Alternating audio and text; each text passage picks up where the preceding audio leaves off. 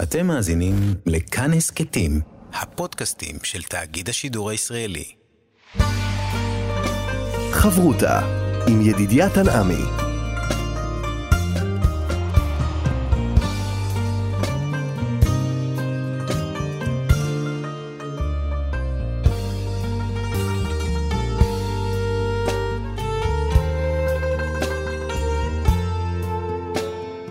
שלום כאן, מורשת חברות הלימוד משותף עם רבנים ואנשי חינוך בנושא תנ"ך, הלכה ואמונה. היום אנחנו לומדים תנ"ך יחד עם רב דוקטור יוסף מרקוס, מרצה לתנ"ך ותורה שבעל פה, הוא מרכז ימי העיון בתנ"ך במכללת הרצוג, וכאן ליד המיקרופון, ידידיה תנעמי, שלום לך כבוד רב. שלום ידידיה. אנחנו בנבואות הנחמה מגיעים לפרק ס', וכאן אנחנו פוגשים את הנחמה של שיבת עם ישראל לארץ ישראל. שיבת עם ישראל לארץ ישראל, יחד עם אור גדול, יחד עם קיבוץ גלויות, יחד עם uh, גויים רבים שמגיעים פה uh, לארץ.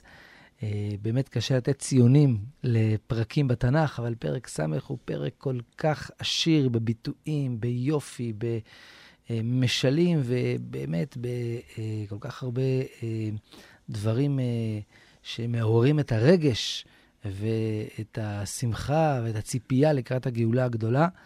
אה, ובאמת זה ודאי אחד מההפטרות של שבע דנחמתה, פרשת אה, כי תבוא. אה, ויש לנו כמה וכמה מוטיבים באמת בפרק הזה. רק נתחיל אולי ונאמר שאחרי כמה פרקים, אנחנו כבר מפרק מ' בעצם נמצאים mm-hmm. בנבואות הנחמה של ישעיהו, כבר בזמנו אמרנו שלמרות שהמקבץ הזה של הנבואות מפרק מ' עד אה, פרק אה, ס"ו, אה, אנחנו מכנים אותו נבואות הנחמה, יש שם גם תוכחה מדי פעם, ויש גם ביקורת, וגם דברים לא פשוטים. וראינו את זה במי שלמד ומי שלומד בפרקים הקודמים, נ' ואילך, יש שם כל הזמן איזשהו שילוב כזה של נבואות הגאולה, גם עם תוכחה ודברים דומים. פה יש באמת איזשהו פיור, טהור, באמת נבואת אה, אור וגאולה אה, מאוד מאוד אה, מרגשת. זה מעניין, כי הפתיחה היא קומי אורי קיבה אורך וכבוד השם עלייך זרח. כלומר, יש כאן איזו התחדשות מסוימת? אז באמת, הפתיחה היא עם העניין של האור. והעניין של האור מופיע, כדאי לשים לב, גם בשלושת הפסוקים הראשונים, אה, וגם בסוף הפרק. אוקיי? זאת אומרת, יש כאן פתיחה וסיום מעין הפתיחה בעניין של האור, ואפשר לדבר עליו אה, ולראות פה כמה וכמה אה, הקשרים. ממש ההתחלה היא באמת קומי אורי, קיבה אורך. אז קודם כל יש פה איזושהי קריאה לעם ישראל לקום. עכשיו, מה זה אורי? מה זה קומי אורי? אפשר לקרוא את זה כאיזושהי אמירה של להתעודד. אוקיי? Okay, וזה משחק מילים כמובן. כמובן, האור שלך יגיע, קיבה אורך, את תקדימי ותקומי ותתעודדי, כן? כי כשאדם אה, אה, חוזר לו האור לפנים, אז הוא מסוגל לקום, נכון? כשהוא אה, מאולף, אז הוא אה, יושב, וקומי אורי, אה, האור שלך אה, תתעודדי. כן? יש פה בכל מקרה פה איזושהי אה, קריאה לעשות פעולה. על מה הפעולה? או כאמור להתעודד, או כפתיחה קומי תפיצי את האור שלך. אה, כלומר, יש אורי. אור מיוחד לעם ישראל. בדיוק, וזה, ורואים את זה פה לאורך כל הפרק, שהאור הגדול שיהיה על עם ישראל, הוא בסופו של דבר יזרח על העולם כולו, ויביא את כל העולם כולו אל אה, ארץ ישראל, אה, אה, והעולם כולו ילך לאורו של עם mm-hmm. ישראל. אז יש פה אולי איזושהי קריאה, קומי אורי, קומי תפיצי את האור שלך, כי האור שלך הגיע, וכבוד השם עלייך אה, זרח. אז באמת הנקודה העיקרית פה בהתחלה זה אה, האור. מה זה, מה זה הגיע האור שלך? תמיד היה אור, כן?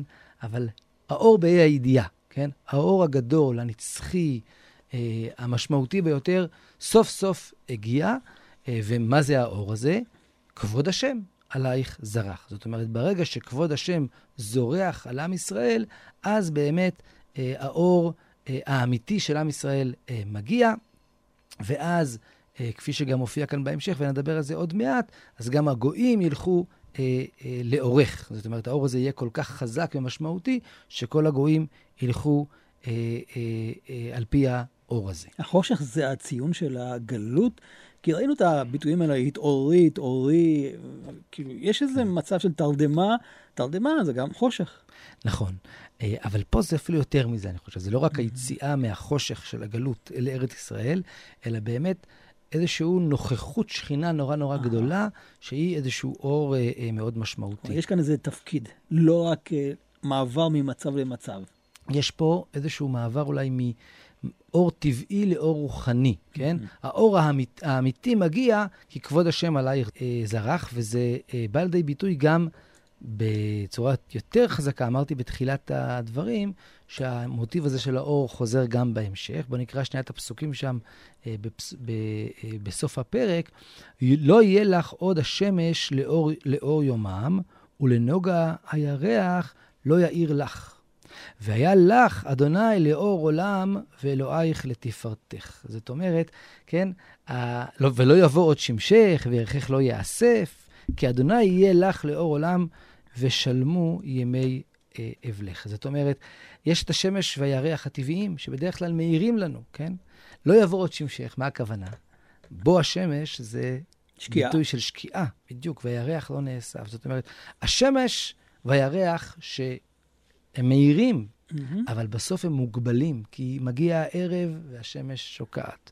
מגיע הבוקר והירח נעלם. כן, אז כאן יש החלפה של השמש, אבל בסופו של דבר יש כאן מצד אחד את המאור, המאורות הגדולים שהקדוש ברוך הוא ברא, אבל מצד שני הם מוגבלים. יש uh, את המדרש היפה במסכת עבודה זרה על האדם הראשון, mm-hmm. uh, ביום כן. הראשון, שאחרי שהוא חטא, אז... Uh, פתאום הוא רואה שהשמש הולכת ושוקעת. חושב שנגמר העולם. כן, בדיוק, הוא חושב שזהו, אה, בגלל החטא שלו, העולם אה, אה, נגמר, ואז פתאום בבוקר השמש מאירה שוב. אז מצד אחד הוא מגלה שזה טבעי, וזה לא אומר שהעולם הגיע לסופו. מצד שני, יש כאן ביטוי לדבר הזה שבסוף האור הטבעי שקדוש ברוך הוא ברא בעולם, יש בו איזושהי אה, מוגבלות.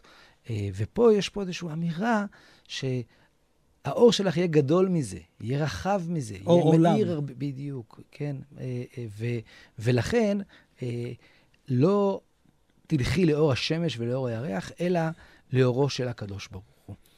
זה ודאי מזכיר לנו את ספר בראשית, פרק א', ואת המדרש הידוע על האור הגנוז לעתיד לבוא. נכון? הרי חז"ל, כפי שרש"י מביא uh, uh, בפסוקים שמה, בהתחלה של ספר בראשית, נכון, ביום הראשון כתוב, ויאמר אלוהים יהי אור. ויהי אור, נכון, וירא אלוהים את האור כי טוב, ויבדל אלוהים בין האור ובין החושך, ויקרא אלוהים לאור יום, ולחושך קרא לילה, ויהי ערב ויהי בוקר יום אחד. אז פתאום אנחנו מגיעים ליום הרביעי ומוצאים את בריאת המאורות, נכון? אמ, ואז שואלים חז"ל, שואלים הפרשנים, מה היחס בין האור ביום הראשון לאור mm-hmm. ביום הרביעי? אז על דרך הפשט מסבירים הפרשנים, שכמו כל ימי הבריאה יש איזשהו משהו תשתיתי בשלושת הימים הראשונים, ואז מתפתח כן. בימים הבאים. אבל חז"ל אומרים לנו פה שהיה איזה אור גדול יותר, משמעותי יותר, מהמאורעות שנבראו ביום הרביעי, שנברא ביום הראשון. והאור הזה, בגלל החטא, הקדוש ברוך הוא גנז אותו לצדיקים לעתיד לבוא. ועכשיו ו... הוא חוזר. בדיוק. אז, אז ישעיהו כאן ודאי מתכתב עם הפסוקים ב, אה, בראשית פרק א', בעצם, בעצם מדבר על כך שלא יהיה רק את האור של השמש והירח, של המאורות הגדולים, אלא, של המאור הגדול והמאור הקטן, אלא באמת יהיה את האור הגדול והרחב והאינסופי של הקדוש ברוך הוא, שהוא זה שיזרח עלייך. חברותה עם ידידיה תנעמי. חברותה כאן במורשת, חברותה בתנ"ך, יחד עם הרב דוקטור יוסף מרקוס, ודיברנו על המעבר הזה מהאור הטבעי לאור הרוחני, ועם ישראל מקבל את האור הזה של אור השם, אז מה קורה עם הגויים? וערפל לאומי, חושך? כן, אז פסוק ב' אומר כך, כי הנה החושך יכסה ארץ, וערפל לאומים, ועלייך יזרח אדוני וכבודו עלייך יראה. אז מה זה החושך הזה שיכסה את הלאומים ואת העמים? אז אפשר להבין שיש פה איזשהו ביטוי למלחמות, לקשיים, למחלות, באופן כללי איזשהו אה, אה, אה, פגיעה אה, בעמים ובגויים, אה, שככה איזשהו חושך שינחת עליהם. מצד שני, בסוף כתוב בפסוק ג' והלכו גויים לעורך. זאת אומרת, הם לא נעלמים, הם לא אה, רק נפגעים, אלא יש איזשהו זרקור על עם ישראל שהעמים אה, ילכו אחריו. זאת אומרת, לאור זה אנחנו חוזרים עוד פעם לפסוק ב', כי הנה החושך יכסה ארץ ורפי לאומים, זה לא חייב להיות דווקא צרות שינחתו, אלא איזשהו ביטוי לירידת הכבוד. מי יהיה האומה השלטת? מי תהיה mm-hmm. האומה שכולם יסתכלו עליה? עכשיו יש כל מיני עמים אה, שמסתכלים עליהם, ודאי האימפריות הגדולות, אה, וכולם ככה מעריצים אותם, והם האור, כן? אבל לא, עכשיו, בעתיד לבוא, אה, החושך יכסה אותם במשמעות שהם כבר לא, אה, לא יהיה להם לא זוהר. לא יבלטו. בדיוק, כן. אלא האור יהיה על עם ישראל, הזרקור בבמה יהיה על עם ישראל, ואז כולם ילכו אה, לאורו של עם ישראל. אה, בהקשר הזה יש גמרא מאוד מעניינת ודברים מאוד יפים של הרב קוק בעין היה. הגמרא בברכות דף ז אומרת ככה: אה, אמר רבי יוחנן משום רבי יוסי, שלושה דברים ביקש משה מלפני הקדוש ברוך הוא ונתן לו. ביקש שתשרה שכינה על ישראל, ונתן לו. אני מדלג רגע על הפסוק. אה, בקשה שנייה, ביקש שלא תשרה שכינה על אומות העולם, ונתן לו. וגם ביקש להודיעו דרכיו. אז שואל הרב קוק, מה זה הבקשה הזו שלא תשרה שכינה על אומות העולם? שתשרה שכינה על ישראל, אנחנו כמובן מבינים, אבל אה, אה, יש פה איזשהו סוג של צרות עין. אז הוא אומר... אנחנו יודעים הרי שגם אה, בלעם כן קיבל נבואה. כן, אבל בלעם זה ייחודי, אבל יש פה איזה משהו ככה, אולי גם אה, אה, אה, רחב יותר על האומות כולם, אז mm-hmm. למה שלא תשרה שכינה עליהם? אומר הרב קוק בעין היה, אין בקשה זו משום צרות עין חלילה, אבל טוב, טובת המין האנושי.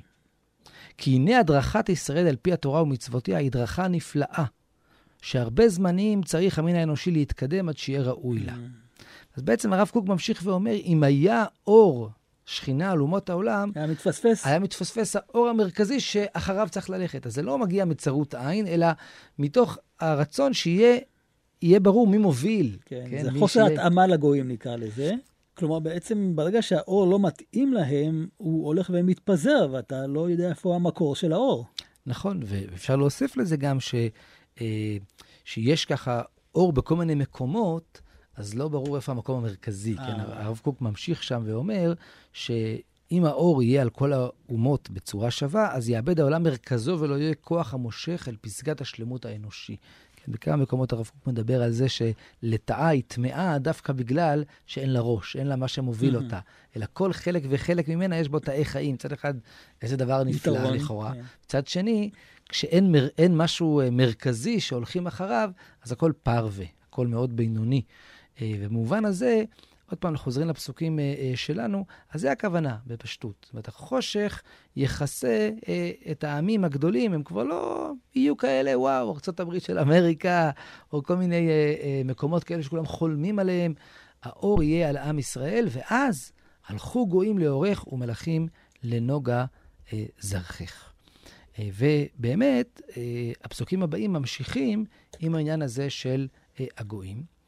ואפשר לומר שיש כאן פיתוח מאוד uh, משמעותי של הפסוקים הידועים מישעיהו פרק ב'. שם אנחנו מכירים את הפתיחה של הפרק, שבו מדובר על, ה... בדיוק, שאומרת שהגויים מגיעים ל...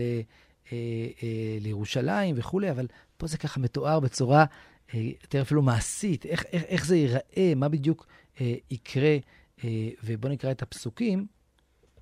שאי סביב עינייך, וראי כולם נקבצו ובאו לך.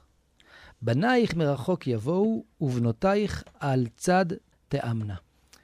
עכשיו, מי הם אלו שנקבצים ובאים? בהמשך הפסוק מפורש, הבנים שלך והבנות שלך, כן?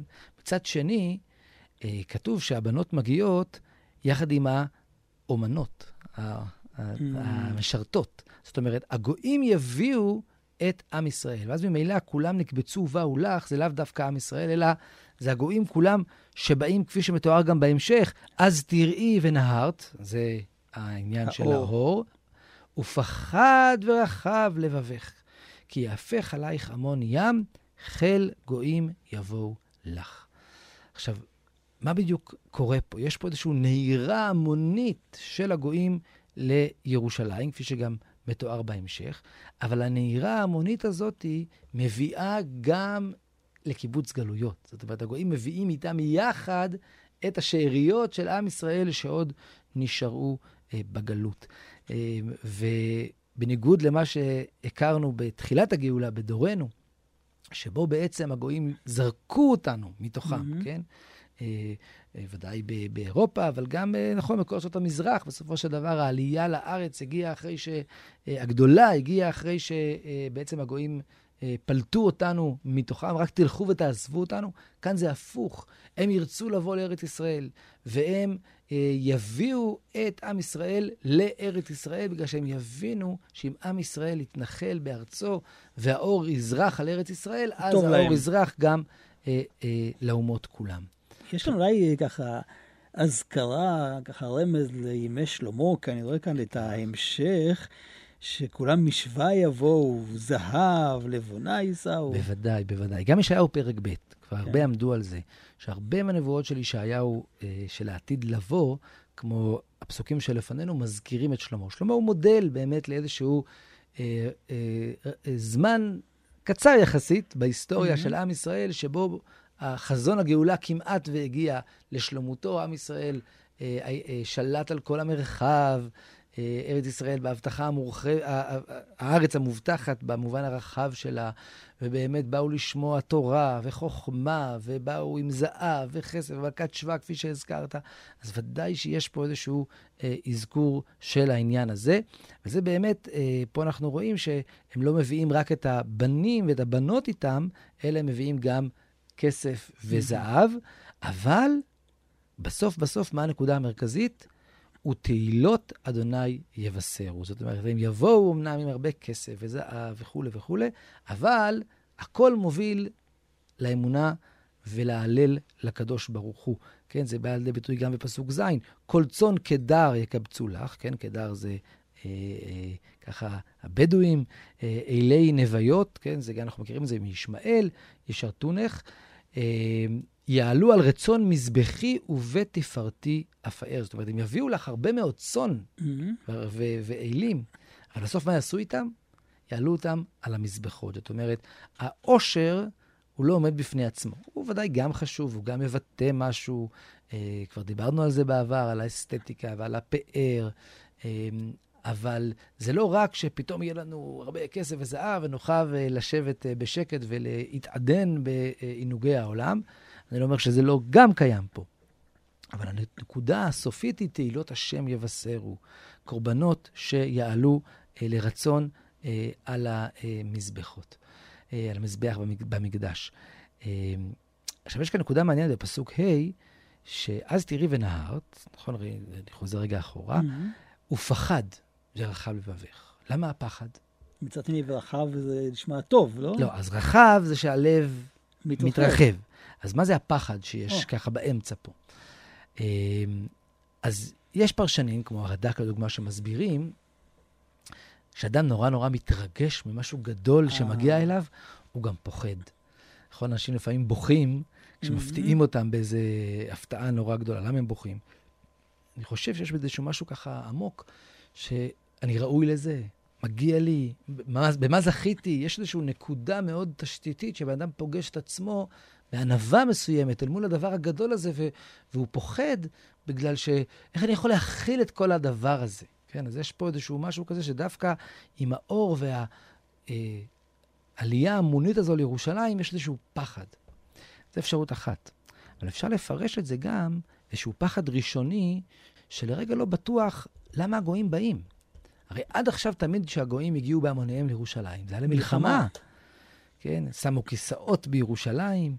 אה, גם אפילו עם אה, אה, המוטיב הזה, או הרעיון הזה של הגעה עם צאן, מופיע, נגיד בירמיהו פרק ו', מופיע בהקשר של מלחמה וחורבן. כן, נקרא רגע את הפסוקים שם בירמיהו פרק ו'.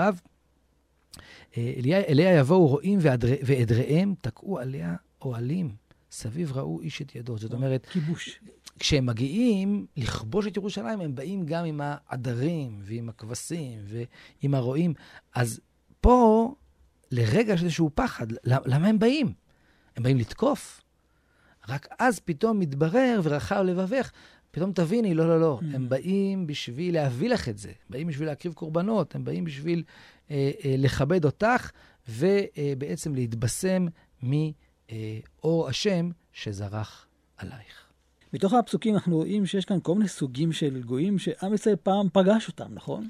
כן, לדוגמה, בפסוק ו', אז אנחנו שומעים על מדיין אה, ועל שווה, אה, והזכרנו את קדר ונוויות. אה, אז לגבי מדיין, זה אולי הכי בולט כאן, שמדיין הם ודאי אחד מהעמים שעם ישראל נלחם בהם. הנקמה של מדיין. נכון, ברור, ואנחנו מוצאים באמת לאורך כל הספרים את המאבק הזה עם מדיין. היה גם איזשהו משהו ראשוני, עם יתרו. Mm-hmm. ועם משה ו- וציפורה, אבל ודאי עם איזשהו סמל לאויב של עם ישראל. אז כאן אנחנו באמת למדים שלא רק uh, כל מיני עמים uh, ניטרליים, uh, נקרא לזה ככה, פתאום יהפכו לאוהבים, אלא גם אויבים יהפכו לאוהבים, uh, ובעצם יבואו וישתחוו uh, להשם. Uh, וכמובן, גם עמים עשירים, שיש להם הרבה אוצרות טבע, וזהב ולבונה, כל אלו יבואו כל אחד עם הדברים שלו. בשבא יש, כן, זה אתיופיה, אה, יש זהב אה, ויש פסמים. זה, mm-hmm. כפי שהזכרת, אנחנו לומדים ממלכת אה, שבא. ממלכת שבא בתקופת שלמה. אבל באמת ל, לכל צאן קדר, לבדואים יותר, יש בעיקר את הכבשים ואת האלים. אז כל אחד, מה שיש לו, את, את האוצרות שיש לו, לא, זה בדיוק אוצרות טבע, אבל כל אחד את הדברים שמאפיינים אותו, הוא יביא אה, אה, אל ירושלים. ואל אה, עם ישראל. חברותה עם ידידיה תנעמי. חברותה כאן במורשת, חברותה בתנ"ך יחד עם הרב דוקטור יוסף אה, מרקוז. והנה אנחנו רואים שוב שהנביא ישעיה חוזר ומדבר על השיבה של עם ישראל לארץ, והוא מדמה את זה כאן בשני דימויים מאוד uh, מעניינים. מצד אחד עננים, מצד שני יונים. מה ההבדל? כן, אז יש uh, uh, דרשה מאוד יפה של הרב קוק על העניין הזה. אה, שבאמת מבדיל בין העננים לבין היונים. אה, היונים חוזרים אל רבותיהם, באמת מגיעים אל המקום המדויק אה, ש... שממנו הם יצאו. כמו חוזרים הביתה. כן, בדיוק. והעננים הם עפים, ככה מתפזרים ממקום למקום. אז בהקשר הזה כותב הרב קוק, שיהיו כאלה שיחזרו לארץ באמת באיזשהו, כמו רוח שנושאת אותם ממקום למקום, בלי יעד מוגדר, אה, וגם כי הגויים אה, סילקו אותם. כמו שהיינו קודם. כן, כמו, כמו יוצר בימינו, כן. אה, לפחות בחלק מהמקומות, היו ודאי יהודים שעלו לארץ מתוך רצון ו, ויד, ויעד ברור, אבל באמת בצד הגויים בדרך כלל זה היה איזשהו סילוק, תצאו מאיתנו. אז אומר הרב קוק, זה, זה באמת העננים. אבל היונים זה כבר באמת מתקשר אל יהודים שיודעים טוב טוב לאיפה הם רוצים להגיע. וכאן אנחנו גם רואים את היחס הזה שבין עם ישראל ובין הגויים. הם לא רק כמו אורחים שבאים רק לבקר ולהקריב קורבנות, אלא יש כאן אפילו שירות מסוים. בדיוק. זאת אומרת, בכלל כל הפסוקים פה מאוד מעורבב, בכוונה, הקיבוץ גלויות של עם ישראל וההגעה של הגויים אה, לארץ. והם לא באים רק כדי להביא דברים לעם ישראל, והם לא באים רק כדי להביא את עם ישראל, כפי שראינו מקודם, הם באמת גם באים אה, להקריב קורבנות, אה, וכפי שאמרנו, זה ודאי אה, מתקשר עם ישעיהו פרק ב', רק בצורה יותר ככה נרחבת. אז נגיד פסוק ט', רואים את זה בצורה מאוד חזקה. כי לי אם יקבו, ואוניות תרשיש בראשונה, להביא בנייך מרחוק. כספם וזהבם איתם, אז מצד אחד, האוניות תרשיש הללו יביאו את הבנים, את עם ישראל. Mm-hmm. אם כספם וזהבם, עוד פעם, בניגוד למה שאנחנו מכירים מדורנו, שאנשים יגיעו לכאן חסרי כל והגויים ישתלטו להם על הזהב והכסף, כאן אנחנו רואים שמביאים איתם את כספם וזהבם. אבל, אז מצד אחד זה רק שירות, כפי שהזכרת. אבל מצד שני, לשם אדוני אלוהיך ולקדוש ישראל כי פערך. זאת אומרת, בסופו של דבר גם באים ועובדים את הקדוש ברוך הוא. ואז אנחנו מוצאים גם את אה, בניית החומות על ידי הגויים. ובנו בני נכר חומותייך, ומלכיהם אה, שרתונך. כן, זה מאוד מזכיר בנחמיה פרק ד', שם מדובר על הגויים שהפריעו לבנות את החומה. ואילו כאן הגויים יבואו ויבנו את החומה. ואז יש כאן משהו מעניין. ופיתחו שערייך תמיד, יומם ולילה לא, יסג, לא יסגרו. להביא אליי חיל גויים ומלכיהם אה, נהוגים. כי הגוי בממלכה אשר לא יעבדו, יאבדו, והגויים חרוב יחרבו. אז מצד אחד בונים חומה, והגויים בונים אותה. וכפי שגם כתוב בהמשך, החומה הזאת תהיה מפוארת. כן? תחת הנחושת אביא זהב, פסוק י"ז, כן. ותחת הברזל אביא כסף, ותחת העצים נחושת, תחת האבנים ברזל, כן? זה אולי תיאור של המקדש באופן כללי, איזשהו משהו מאוד מאוד uh, מפואר. Uh, אז מצד אחד בונים חומה, מצד שני השערים תמיד פתוחים. כלומר, זו חובת אז... כבוד, או אה, כמו שכתוב בהמשך, uh, וקראתי ישועה חומותייך. בדיוק, אוקיי, יפה. אז זה שהשערים פתוחים, זה כמובן סמל לכך שנגמרה המלחמה, mm-hmm. שאין כבר פחד. הרי מתי סוגרים את השערים? או בלילות, שהגנבים לא יגיעו, שודדים, כל מיני אה, אה, אנשים שלא רוצים שייכנסו לעיר בזמן שאף אחד לא מפקח, או כשיש מלחמה מתקרבת, כן? אז סוגרים את השער. אני מזכיר שהשער הוא, הוא לא רק אה, המקום של הכניסה והיציאה, הוא דרך אגב מקום השוק, mm-hmm. מקום המסחר, הוא בכלל ה, ה, המקום פעילות. שבו בדיוק איזשהו המפגש בין החוץ לבין הפנים. וכשיש איזשהו פחד, איזשהו חשש, אז סוגרים את השערים. אמ, ופה כתוב שהשערים תמיד יהיו פתוחים. אז זה סמל לכך שאין יותר חשש. כולם ייכנסו, ולא צריך לפחד מאף אחד, כי כולם באמת רק ירצו לבוא לעשות טוב ולהידבק אה, באור שלך. מצד שני, אנחנו רואים שבונים את החומה, נכון? אה, וחומה לכאורה במקור היא בשביל הגנה. אז אה, אני חושב שהזכרת יפה באמת את מה שכתוב כאן בפסוק י"ח, וקראת ישועה חומותייך ושערייך תהילה. זאת אומרת, במקום שמות אולי שיותר מתאימים לחומה ולשערים, שמות, מגן. בדיוק, אז יהיה, אה, אפשר יהיה לקרוא, זה חומת הישועה. ואז באמת החומה היא כבר משהו יותר סמלי. אולי יופי, אולי הדר, כן? בכלל, בתי ערי חומה בארץ ישראל. מה בדיוק המשמעות שלהם. יש משהו בעיר שאתה בונה לה חומה, שזה מסמל איזשהו כבוד, איזשהו מעמד, כן? אה, גם אם זה לא נועד רק בשביל אה, ההגנה. אז כנראה שהנביא בא ואומר לנו כאן, גם לעתיד לבוא יהיו חומות לערים, אה, אבל אלו יהיו חומות של כבוד, חומות שמבטאות איזשהו מעמד ופאר, ולא חשש. ולכן השערים עצמם יהיו פתוחים, וכפי שאמרת, אפשר יהיה לקרוא להם שער התהילה ולא שער המגן או חומת המגן, אה, כי באמת הגויים שיבואו, אה, יבואו אה, רק כדי להביא דברים ולעבוד את השם, ולא להילחם איתך.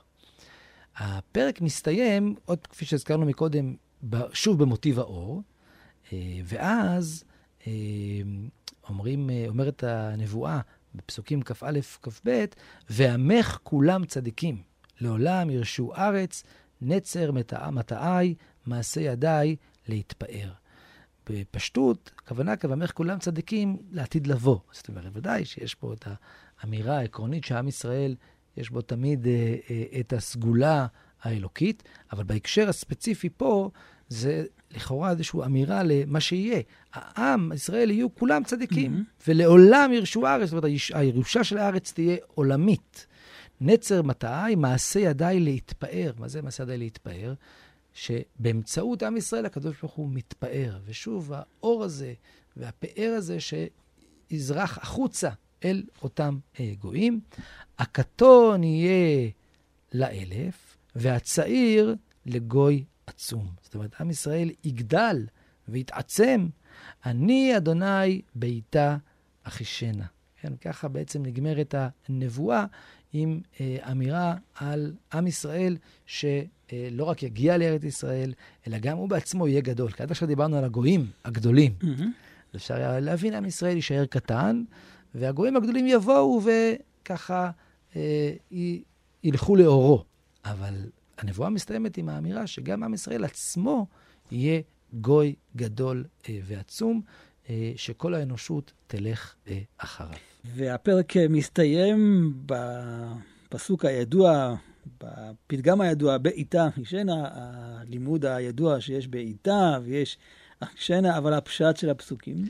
אז הרד"ק באמת מתייחס לנקודה הזאת, הוא מזכיר את דרשת חז"ל, ואומר, ואמר בעיטה ואמר אחישנה, שזה לכאורה איזושהי אה, סתירה, כן?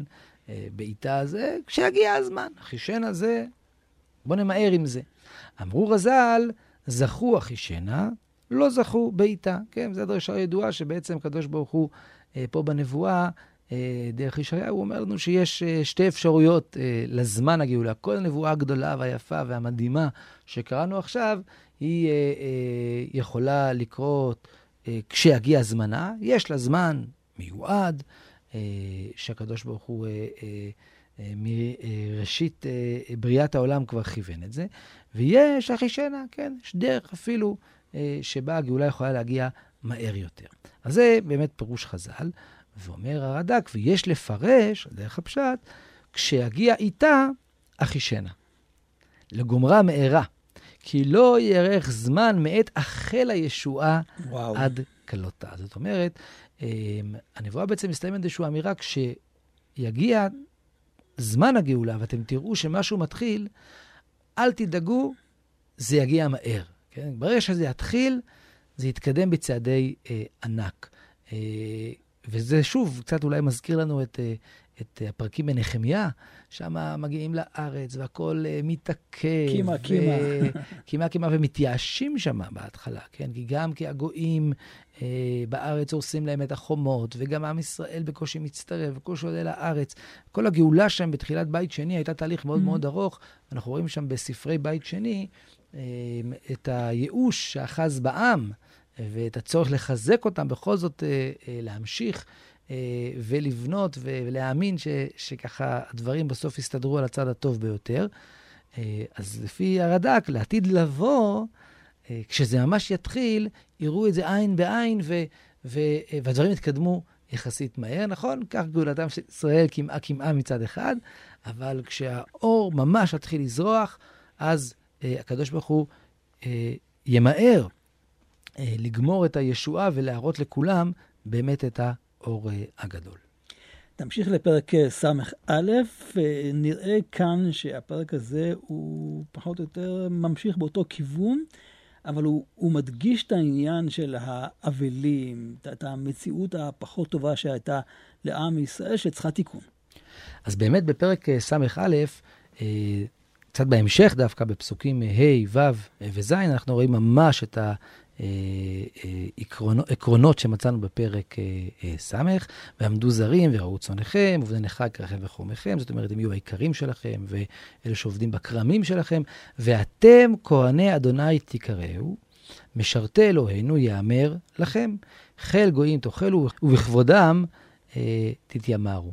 אתם כהני השם תקראו, זאת אומרת, עם ישראל יהיה כהני השם, וכפי שמסבירים חלק מהפרשנים, כן, שכהני השם הכוונה אה, שכל העולם יעבוד את הקדוש ברוך הוא, ועם ישראל יהיה בראש. הוא זה שבעצם יוביל את העולם לעבודת השם, כמו שהכוהנים במקדש הם אלה שבעצם אה, מהווים איזשהו סוג של אה, תיווך בין עם ישראל לבין הקדוש ברוך הוא. אז כאן עם ישראל כולו יהיה הכוהנים של העולם כולו. זה מצד אחד. מצד שני, באמת, עוד פעם, העניין הזה של השפע שהעמים יביאו לעם ישראל.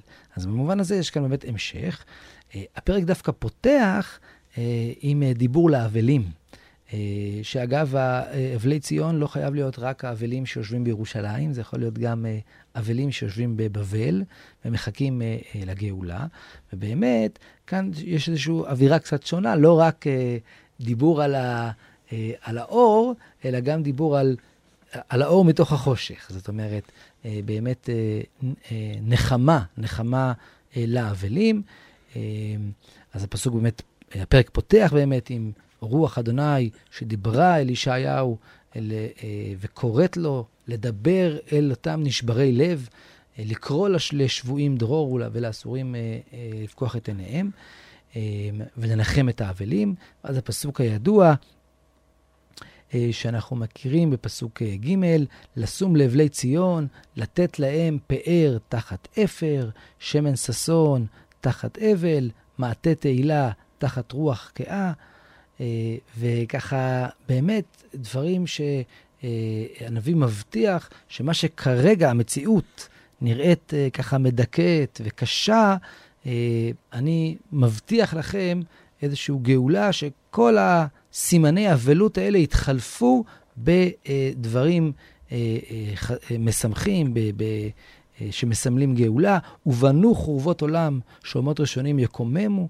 וחידשו ערי חורב שאומות דור אה, ודור, ואז שוב הפסוקים שקראנו מקודם, ואתם כהני השם אה, תיקראו. זאת אומרת, יש פה בס"א איזושהי חזרה למציאות רגע, כן? ס' באמת דיבר, קומי אורי, קיווה עורך.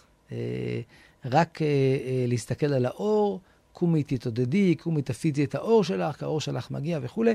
פרק ס"א ככה חוזר אל המציאות, כן, שבה האבלים נמצאים, וישעיהו בעצם אומר להם, אני אה, קורא לכם ו- ומדבר איתכם על הגאולה, שכשהיא תבוא, אז באמת כל סימני האבלות יתחלפו, וכל הגויים יגיעו לארץ, ואתם, כהני אדוני, תיקראו. הסיום הוא סוס אסיס בשם, וזה מזכיר לי את הנבואות של הפורענות, שדיברנו הרבה על כך של הביטחון בגויים האחרים, והנה כאן, כשמגיע הרגע של הגאולה, עם ישראל מבין ש... בהשם יפתחו. בהשם יפתחו ובהשם שמחתו, oh. בדיוק, סוס אסיס באדוני, תגל נפשי באלוהי, בדיוק, זאת אומרת, אה, עם ישראל יכיר שמי שגואל אותו זה הקדוש ברוך הוא. כי הלבישני בגדי ישע, מאיץ דקה יעתני, ויהיה באמת איזושהי הכרה בכך שזה הקדוש ברוך הוא, אה, הוא זה שגאל אה, אותנו, וממילא השמחה והגילה תהיה בקדוש ברוך הוא. כי, כי הזכרת, אני חושב, מאוד יפה, אה, כשאדם בוטח במישהו, אז הוא שמח בו, הוא שמח שהוא בא לקראתו, כן? Mm-hmm. הנה, הגיעה הגאולה, אה, ואם זה, אה, סומכים על משהו לא טוב, אז הנה, הגיעו, המושיע שלנו הגיע, ואנחנו שמחים בו, כן? ופה השמחה תהיה בקדוש ברוך הוא, בכבודו ובעצמו, מתוך הבנה שהוא באמת הגואל היחיד האמיתי שלנו. הרב דוקטור יוסף מרקוס, מרצה לתנ"ך ומרכז ימי העיון במכללת הרצוג, תודה רבה לך. תודה רבה ידידיה, להתראות. אנחנו ניפגש בחברותה הבאה, וניתן להאזין לתוכנית הזאת באתר כאן מורשת ובשאר יישומי ההסכתים. אתם מאזינים לכאן הסכתים, הפודקאסטים של תאגיד השידור הישראלי.